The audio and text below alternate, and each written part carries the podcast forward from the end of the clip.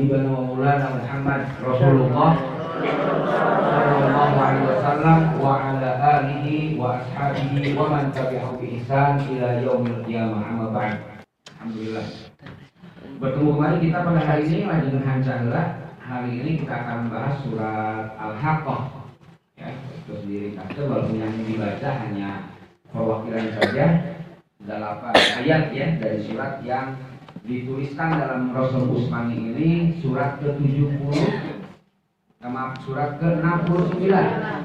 Ya ke-69 surat Al-Haqqah Al-Haqqah itu harusnya kejadian yang pasti. Ya, haqqah hak. Ya, hak itu adalah benar. Ya lawannya hak adalah hoak. Ya lawannya hak kan hoak. Hoak itu berarti ya? Kita bohong itu hoak. Ya lawannya adalah al-haq. Ya. Al-haqqah Allah menamai surat ini kepada Muhammad. Dengan sebutan surat al-haqqah karena mengawali satu penamaan kejadian yang pasti terjadi. Yang, yang pasti terjadi yaitu surat Al-Haqqah mewakili kata Al-Haqqah yaitu bermakna Al-Qiyamah. Pemeningan di mana tadabur ya. Di Musab Terjemahan Kementerian Agama itu hari kiamat, ya gitu. Ya. Hari kiamat Al-Haqqah berurut bahasa berarti yang pasti terjadi. Hari kiamat di nama Haqqah karena dia pasti terjadi. Al-Haqqah.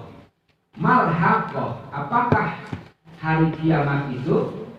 apakah hari kiamat itu Allah bertanya tapi bertanyanya pertanyaan yang tidak butuh jawaban wama adraka mal haqqah tahukah kamu apakah hari al haqqah itu Allah menanyakan ini kaknya kepada Nabi Muhammad karena surat ini memberikan pelajaran kepada Rasulullah hingga kemudian menjadi pelajaran untuk kita semuanya al haqqah mal haqqah Wama adro kamal haqqah.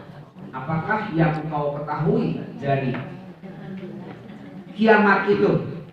Kata para mufasir, upami Quran terus menyebutkan kata-kata wama adroka itu berarti pertanyaan yang akan dijawab bukan oleh nalar sanes ke otak.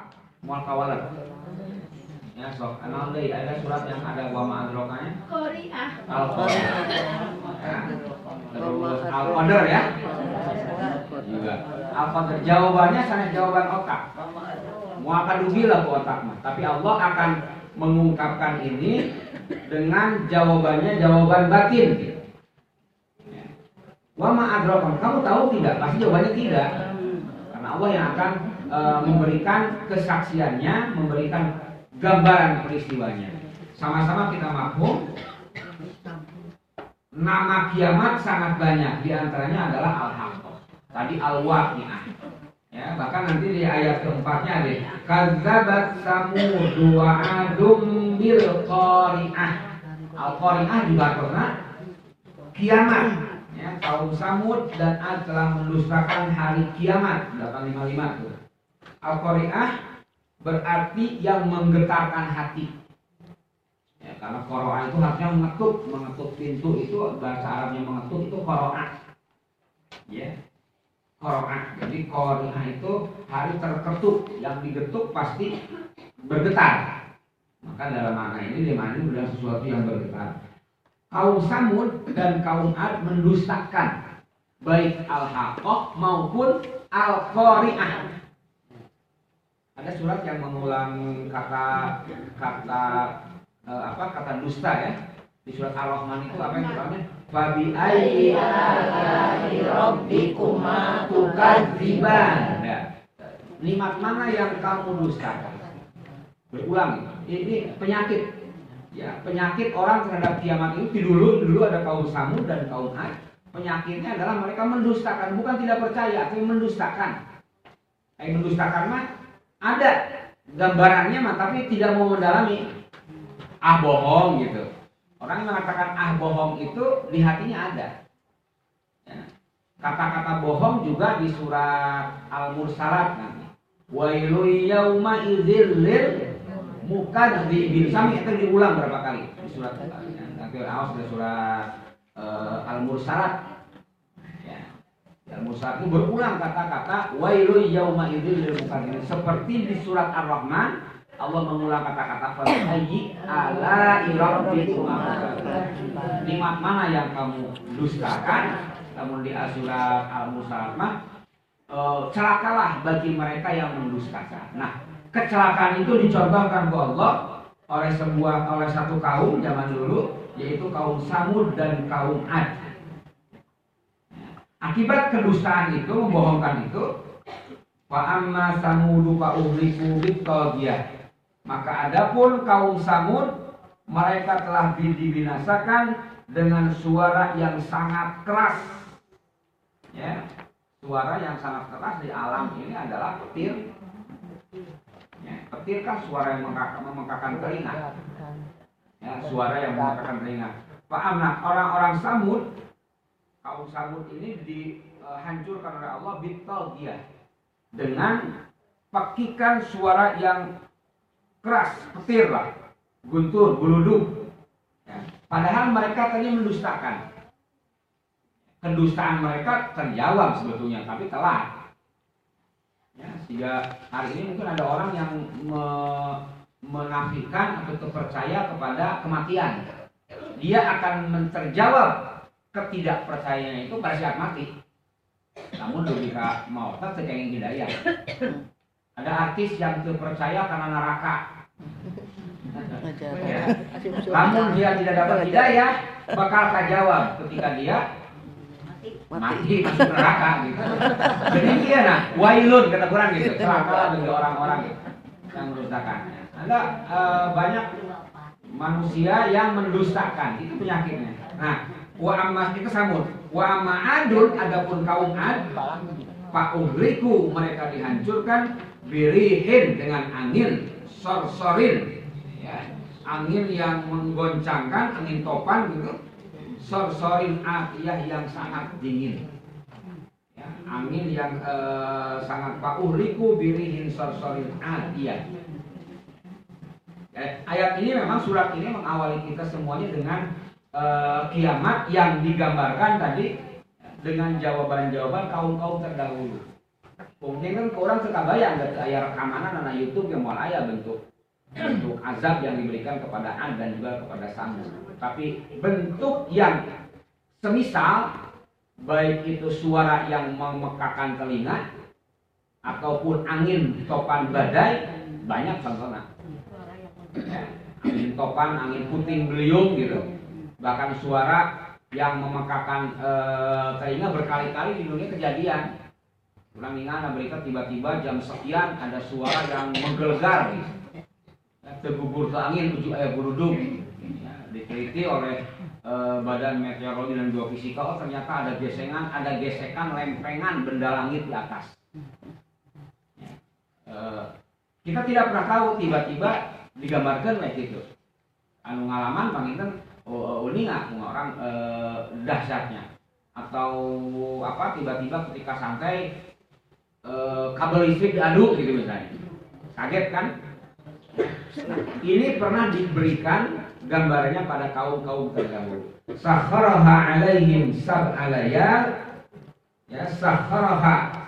Allah menimpakan angin kepada mereka itu sab'alayalin bayangkan. Tujuh malam. Wasama niyata ayam dan delapan hari. Tujuh malam dan delapan hari fakaral kauma fiha sor'a maka kamu melihat kaum Ad itu mati bergelimpangan seperti batang pohon korma yang telah kosong dan lapuk. Bayangkan saja oleh angin, oleh pekikan suara membuat mereka mati bergelimpangan. Nah, kebayanglah kami ayah apa? uh, gunung meletus terus ayah wedus gembel wedus gembel teh uh, awan panas yang melintas di atas satu perkampungan tiba-tiba setelah itu ya bergelimpangan orang-orang yang gosong terbakar. Eh sate pawang gunung merapi itu namun ah apa Marijan. Apa apa nama Marijan? Apa? Karena gunung merak karena gunung meletus. Awan panas bergelimpangan Mbak Marijan dilebat di kamar mandi di rumahnya karena dia bertahan. Tapi ketika tsunami misalnya, ketika bencana-bencana, tiba-tiba banyak mayat berlima. Kebayang nggak? Inilah Allah menggambarkan dahsyatnya eh, gambaran yang Allah ceritakan kepada kita semuanya. Ya, digambarkan pada orang-orang terdahulu itu dugikan tujuh bintang, eh, tujuh malam, delapan hari. Fahal tara kaum fahal tara lahum baqiyah. Maka adakah kamu melihat seorang pun yang masih tersisa di antara mereka? Lagi-lagi pertanyaan yang tidak butuh jawaban.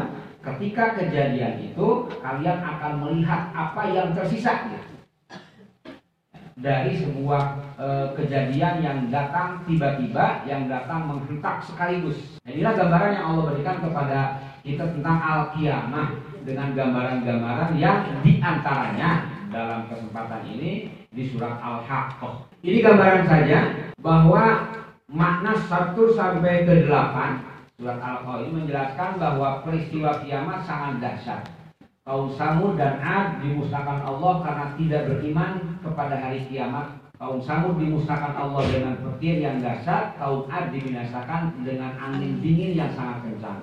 Selama tujuh malam delapan hari secara berturut-turut sehingga mereka mati bergelimpangan. Sebabnya itu ini poin buat pelajaran kita semua adalah bersebab mereka adalah ya sebab itu oleh karena itu ya dan mengapa mereka tidak selamat Lalu apa yang harus dilakukan? Berimanlah kepada hari kiamat karena kiamat itu pasti terjadi. Ya, al sebagaimana makna al haqqah. Ya, sebagaimana makna Lalu digambarkan itu hanya gambar ilustrasi saja. Mekah saja, kota Mekah. Gambar dulu ya bu. Ya. Itu ada gambaran film bisa hancur. Ya emang Mekah mau hancur, hancur kiamat pas juga. Hmm ya, bangunan yang sekokoh ini bangunan sekokoh begitu tinggi Mekah memang tanah yang tidak diceritakan pernah ada gempa makanya bangunan lagi dibangun e, luar biasa tuh ekasiun pasti orang akan melihat di Mekah itu ibu area tanah dibangun kalau berhanap. Iya bangunan anu disebut nanti jam-jam power ya. Ya kalau jam 120 lebarnya ya jam dulu. Ya. lebar jam, jam ngubut kita layar jamnya itu 16 meter kali 16 meter. Jam ngabungkul dan itu jadi patokan ya yang kita ceritakan bangunan setinggi ini di bawahnya masih dari ejarnya di orang mau mau mau langsung kontur tanahnya lemah di orang tapi di Mekah karena area bebatuan itu kaluhur menjulang bangunan kehandap ya ditanam fondasi sekaligus terowongan. Ke ayah kehariwan mengapa? Karena memang kontur Mekah tanahnya tanah bebatuan ya, tanah bebatuan tetapi ketika ini akan sampai pada kiamat nanti semuanya akan hancur. Ya, dan tidak terbayang sehingga apa seperti apa bentuk yang akan terjadi dengan bangunan yang ini. Teh menara ketiga terletak menara ketiga tertinggi di dunia. Ya jam-jam tower itu. Ya saudara biasa naik tower lumayan ya e, untuk naik apa naik dan e, perlu saya sampaikan bangunan ini adalah wakaf jadi ada selatan dengan wakaf alusuud ya wakaf keluarga Raja Saud Saudi ya. Kalaupun orang Saudi kan Saud namanya. Karena Saudi ya Saud. Ini wakaf dari raja. Jadi bangunan seperti ini e, wakaf yang e, luar biasa. Saya seperti wakaf kemudian kita kan jadi gratis, aneh. Ya. Wakaf itu e, pengelolaannya tetap dibayar dan uangnya itu kemudian digunakan untuk ya berbagai macam kepentingan ya, dengan segala aksesoris dan ah, segala-galanya deh. Nah, kita lihat Makkah itu memang kota yang paling tertib, kota yang paling teratur dan ada yang mengaturnya. Upami sauna di acara TV on the spot. Ya on the spot itu ada tujuh kota terbersih di dunia.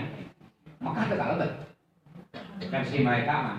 Kota terbersih itu yang pertama Swiss misalnya Ada New York, kota-kota terbersih di dunia itu tujuh. Tidak satupun eh, negara Islam masuk ke dinya kurang diakui ya. Tapi untuk Mekah dibandingkan dengan kota-kota London, Washington, Paris, ya itu memang masuk kota bersih, tapi jumlah yang masuk ke situ tidak sebanyak Mekah. Jadi namun bersih hanya wajah nawe. Mekah mah yang masuk itu jauh lebih banyak. Satu kali masuk biasanya bisa jutaan dua satu dua juta orang. Tetapi hampir sulit kita menemukan sampah yang dibiarkan lama, gitu ya sampah mah ya. Petugasnya, sistem kebersihannya luar biasa eh, teratur.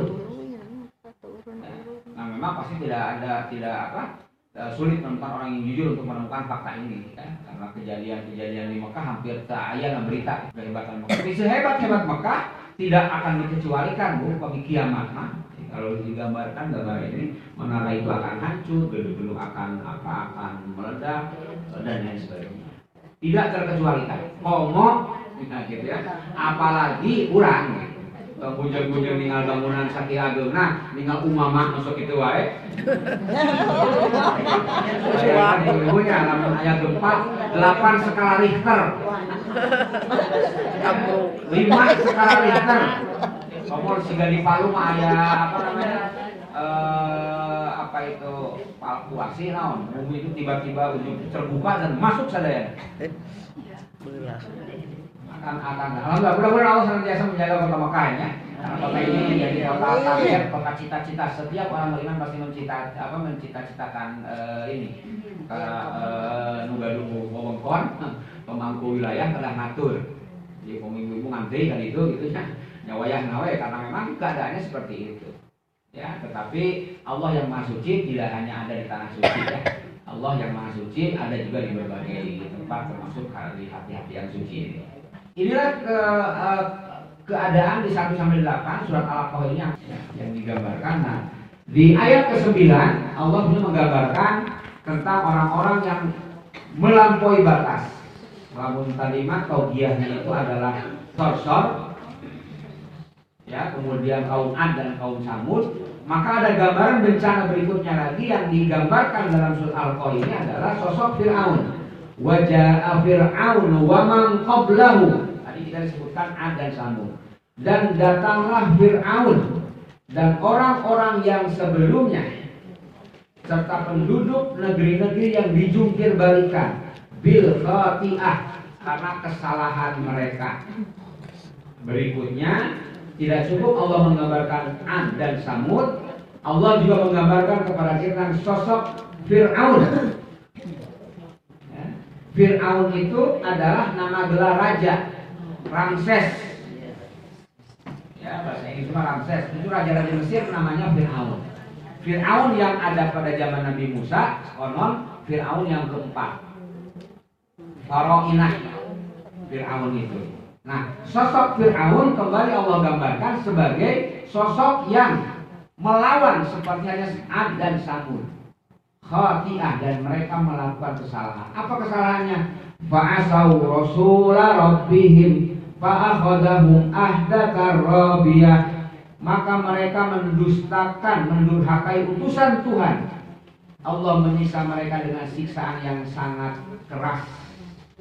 Di antaranya adalah di ayat ke-11 Inna lamma taghal ma'u hamalnakum fil jariyah maka kami menaikkan air.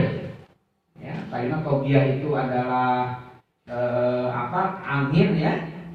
Togia itu surat kelima itu adalah angin yang sangat keras. Maka pada angin dingin yang sangat keras, maka pada ayat ke-10 11 Allah mengungkapkan yang bukan keras, yang bukan hanya angin tapi ma inna lamma tohol ma'u air yang keras guncang ya air yang memakan apa pun yang ada di hadapannya. Tsunami lah gampang Nah, dasarkan tsunami 2004 nya Aceh itu. Ya.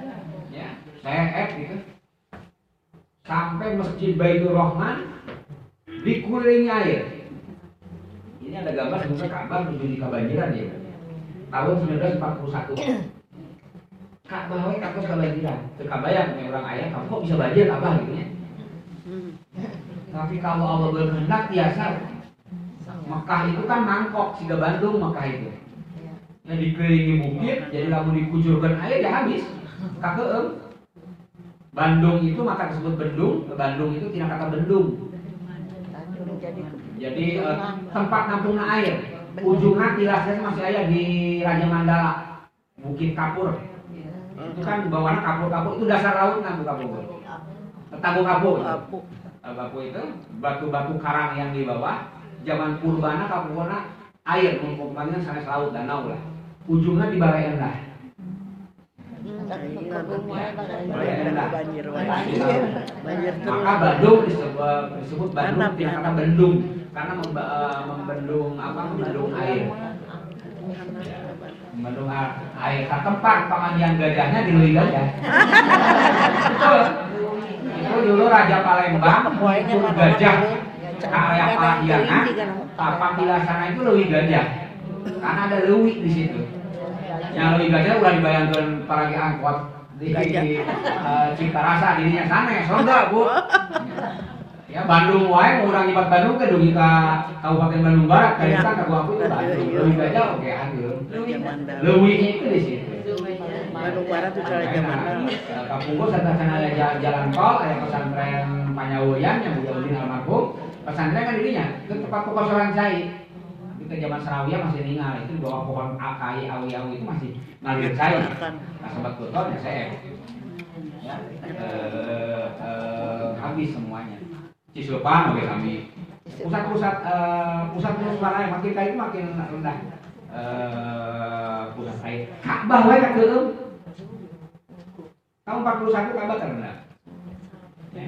Kurang hanya ke kabayang hanya misalnya ngabayang benar ya nah kapungkur makan sistem drainase sistem perairan tidak seperti itu tapi kalau Allah berkenan inna lamma taghal ma'u hamalnakum fil jariyah kalau Allah subhanahu wa berkenan air yang ketika air naik kami membawa ya nenek moyang mereka ke dalam kapal. Ya, kalau Allah sudah menghendaki yang diselamatkan tertentu saja. Ya, maka kalau ada orang yang mendustakan maka adalah lina ja'alaha lakum tazkiratan.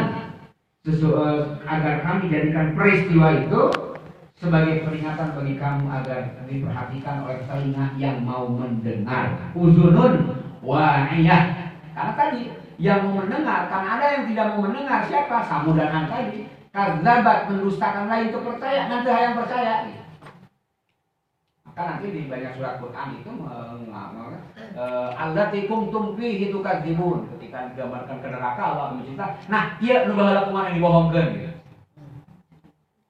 Lagi kuntum fihi tukadzibun. Yang dulu kalian dustakan ini akan akan kami eh, buktikan yang dapat menjadikan pelajaran dari ayat 19-18 ini adalah bahwa pelajar orang yang menggunakan akalnya dengan baik jadi akal yang Allah karuniakan akal yang Allah berikan kepada kita harus digunakan sebaik-baiknya termasuk dengan memperhatikan kejadian-kejadian alam. Maka bagi seorang beriman tidak selesai menyebut bencana alam teh. Ya. Mengapa? Di balik alam itu ada Rabbul Alamin. Rabbul Alam saja sudah besar, Alamin. Alam satu mir mah banyak. Ya. Di balik itu ada Rabbul, Rabbul Alamin, Tuhan seru sekalian alam gitu namanya. Eh, namanya sekalian masih sekalian alam bukan hanya alam Ihapit, bukan hanya alam Bandung, bukan hanya alam Jawa, alamin, bukan hanya bumi bahkan.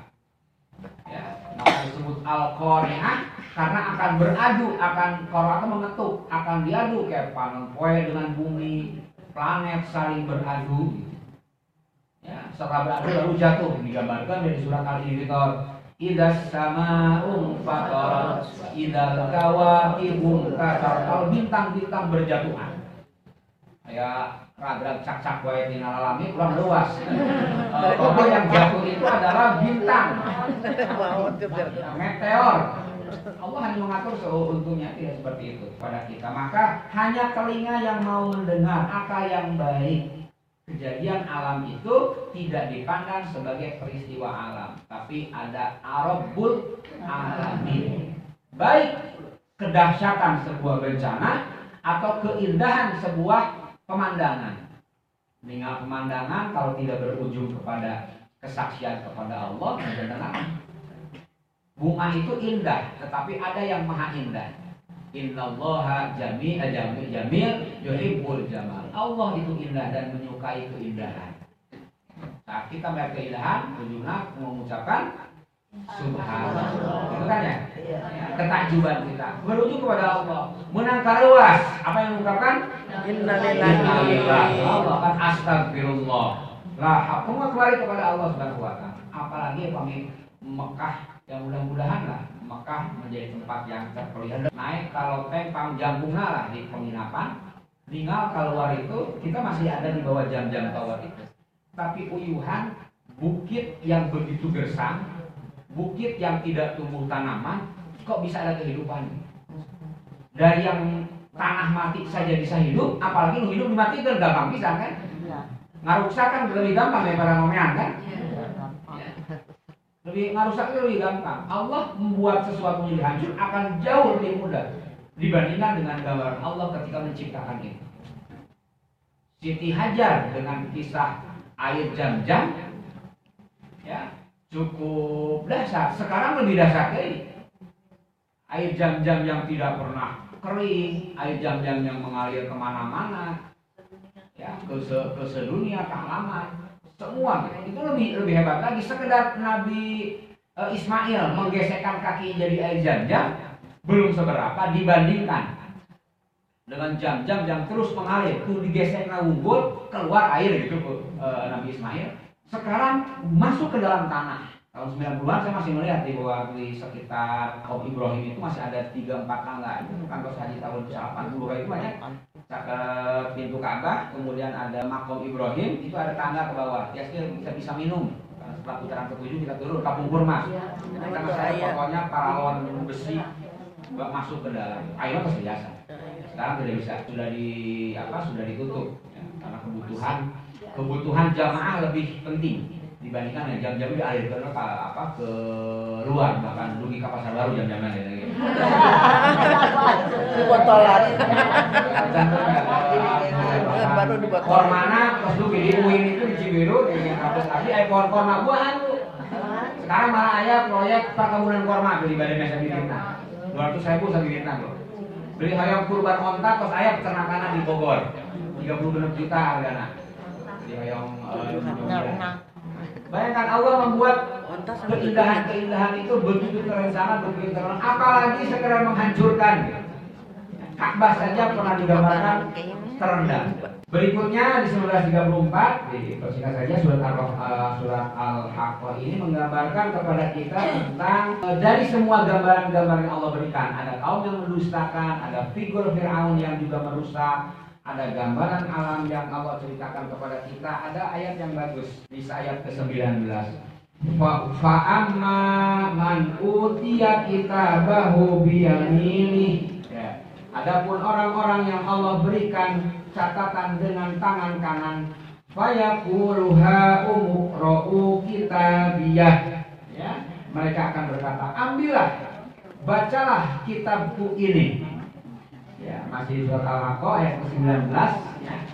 Ayat ini tema ke berikutnya tentang dari semua kehancuran alam, dari gambaran kerusakan figur-figur dan kaum-kaum itu. Semua tidak sia-sia karena orang-orang yang baik akan terekam kebaikannya walaupun boleh jadi hidup di tengah kerusakan. Pan di Firaun nggak ada soleh nama Nabi Musa contohnya. Buktinya ketika Nabi Musa mengangkat mujizat banyak orang yang sujud termasuk tukang-tukang sihir kan? Fir'aun anu ke ke alim tobat hese hingga akhirnya uh, apa matinya nanti wuru seperti minum cair laut. Ya, akhirnya. Tapi kan sebelum itu ada orang-orang yang ketika Nabi Musa mengumumkan mujizatnya mereka sujud termasuk tukang-tukang sihir itu. Jadi ada potensi orang-orang soleh. Kalau tidak ada Musa alaihi salam pasti kebaikan itu akan tersembunyi terus maka kebaikan bisa dimunculkan gitu ya. Karena naluri kebaikan itu semuanya ada. Ulang tersep karena kasayang mah nan kadang-kadang ketutupan tuka gorengan. Hmm. apakah ada di kita atau di batur gitu. tetapi ketika ada yang mengajak maka Allah minta jangan sia-siakan ini. Di pada masyarakat nanti manusia akan terbagi dua. Pertama ada orang-orang yang diberikan catatan kitab di oleh tangan kanan. Allah mengatakan ha umukro kitab ya. Nih nih nih bukumu. Ini adalah bukumu. Inni dzanantu anni mulakin hisabiyah. Sesungguhnya aku yakin bahwa suatu saat aku akan menerima perhitungan terhadap diriku. Mereka ketika menerima buku itu punya perasaan dari awalnya memang ada yang bakal buku. Gitu. Maka mereka istiqomah dalam kebaikan. Walaupun kebaikan mereka di hadapan manusia itu rusak seenawan-awan. Ngalakukan kehadian tapi cuma cuma goreng. Zonan tu anni mulakin hisabiyah aku dari awal sudah punya keyakinan suatu saat bakal ada perhitungan. Nah, pentingnya kita istiqomah dalam kebaikan kayak gitu ya. Karena kadang-kadang kebaikan oh nanaunan ngaji gitu ya. Hmm. Ya. Nanaunan sholat gitu kan akan ada anggapan-anggapan seperti itu. Kalau kita tidak ada istiqomah, ciri orang beriman di antaranya tadi ketika sebelum mereka mendapatkan kitab yang nanti diberikan, di awalnya harus yakin akan ada perhitungan nanti. Maka ketika mereka menerima kitab itu, yes gitu. Hmm. Ya tiba tiba bilang aing mah yakin gitu. Aing benar-benar gitu. Uh, akan punya keyakinan gitu. maka orang-orang seperti itu akan bahwa ini syadin radiyah maka mereka berada dalam kehidupan yang diridhoi Allah Subhanahu wa taala. Jadi tenang kita semuanya hidup kita di dunia ini akan ada ujungnya akan ada sesuatu yang kita yakini akan mendapatkan akibat. Itulah dengan kitab kebaikan catatan kebaikan. Utia kita bahu biamini orang-orang yang diberikan kitab dengan tangan kanan. Bahwa fi isyatin radiyah eh, fi jannatin aliyah. Pada surga yang puncak aliyah tinggi. Sementara sebaliknya kulu washrabu hani'am bima fil ayamil khaliyah. Makan dan minumlah. Makan dan minumlah dengan nikmat karena amal yang telah kamu kerjakan. Indah sekali di ayat 24 kulu washrabu makanlah. Hani'an dengan nikmat bima asrabtum kalian bima asrabtum kamu salap salap itu nu terdahulu kan ya ulama salap. Iya. mengapa kamu mendapatkan bima asrabtum atas apa-apa yang dulu kamu kerjakan. Jadi kamu ulang di awalan tuh nabung nyetong menta menta jatah gitu. bima asrabtum atas apa yang dulu kamu kerjakan. Jadi simpenan gitu. Asuransi gitu. Tabungan. Ya. tabungan. Bima asrab Allah yang mana tuh ya hani ambima asratu fil ayyamil khaliyah. Pada hari-hari yang telah kamu lalui. Tidak sia-sia ternyata kebaikan.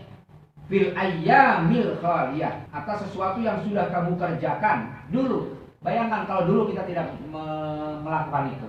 Kalau dulu membohongkan. Ab samud itu contohnya. Nah sebaliknya, wa amma man utiya kitabahu bishimali. Adapun orang-orang yang diberikan dengan shimal, Tadi yamin, yamin itu kanan ya. Simal itu kiri. Adapun orang-orang yang diberikan dengan tangan kiri, ada artinya orang-orang yang buruk ini. Mereka akan mendapatkan, nih jawabannya ya.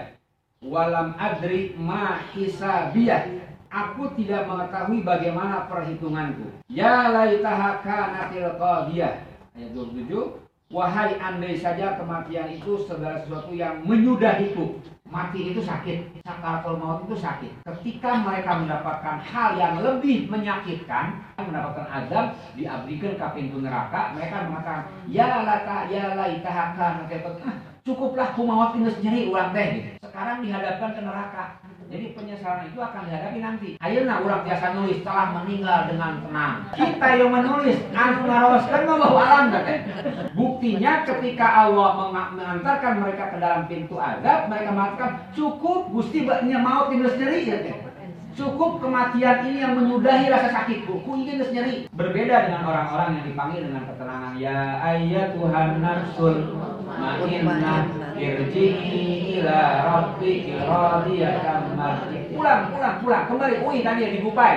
Bahasanya juga pulang. Jadi bukan pergi, bukan meninggalkan. Dia pulang. Ayo pulang, kembali. Ayo kembali. Asalnya ke Lalu pulang digupai gitu, disuruh kembali oleh sesuatu yang memberikan kenikmatan kepada kita akan jauh berbeda dengan orang-orang yang tadi yang mengatakan cukup ya Allah, ku mau tinggal sendiri saya. Ini gambaran kepada kita Al-Haqqa 35 itu simpel saja ayat menurut sebelum, sebelumnya. Nah ini baru gambaran tentang dahsyatnya neraka. Halaka ani sultaniya futuhu fagullu summa jahimu sallu summa fi silsilatin dar'una zira'an fasluku. Nah, ini ayat tadaburnya yang dulu saya garis bawahi. Kemudian belitlah dia dengan rantai yang panjangnya 70 hasbah. Ungkapan ini mengisyaratkan bahwa khusus peringatan keras akan jenis azab yang akan ditimpakan.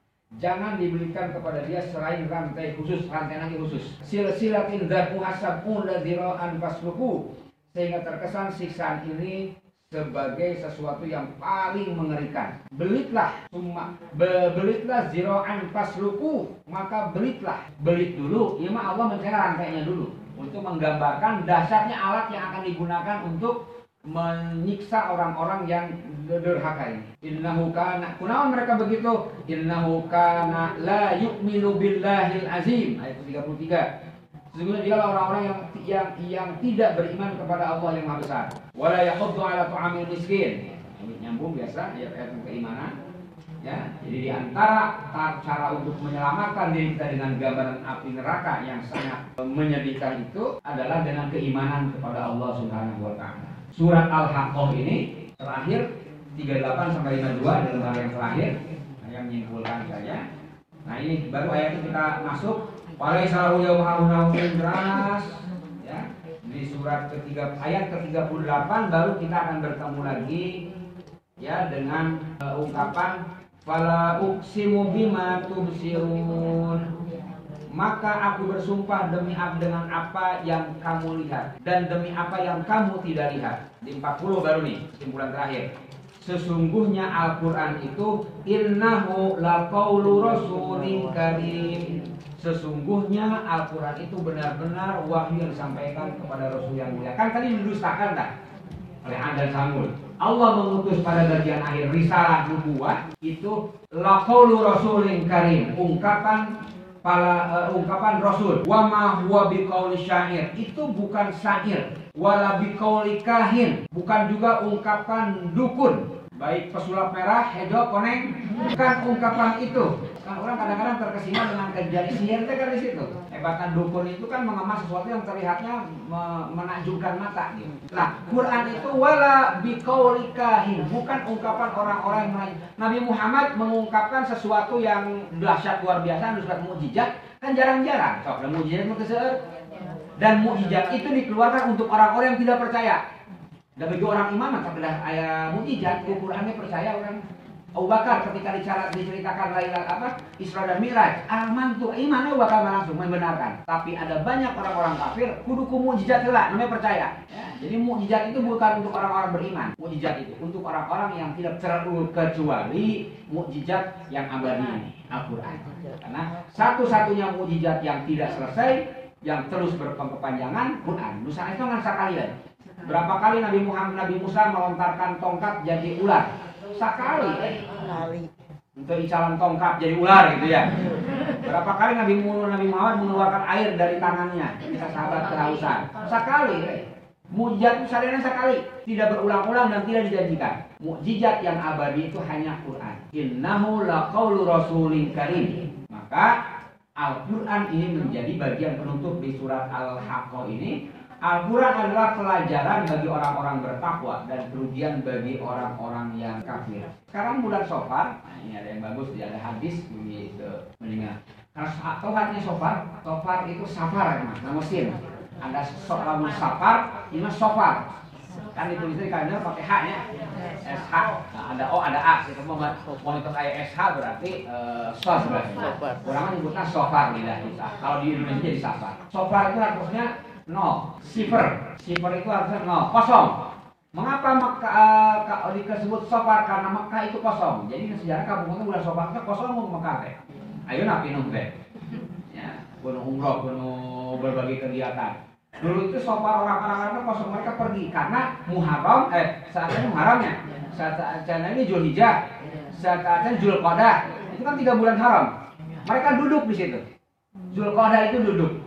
Kalau ada itu duduk, mereka cicing di Mekah. Bahkan sebelumnya di Syawal ya, Zulqa'dah itu hafid kan ya, Syawal hafid terego. Syawal mereka sudah menggantungkan pedang ke mana-mana, Zulqa'dah mereka duduk ke mana-mana juga. Zulhijjah mereka haji. Muharram bulan haram, maka masih mereka masih berada di situ. Mereka mulai meninggalkan Mekah pada bulan Sofar. Maka Mekah itu kosong. Karena kosong lalu kalender menyebutnya bulan Sofar.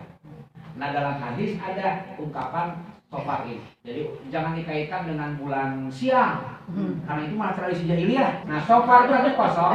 No, dina dina hadis ada inna asfarol buyut gitu bahasanya. Inna asfarol buyut.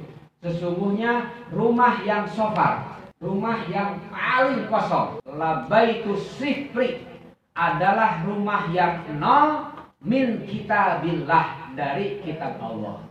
Rumah yang kosong, rumah yang sofar, rumah yang tidak berkah bahasa gampangnya adalah rumah yang di dalamnya kosong dari bacaan Quran. Bahkan kosong dari Quran. Itu ayat Quran Quran aja. Ayat celana HP dan nyebutnya nama HP dari Quran.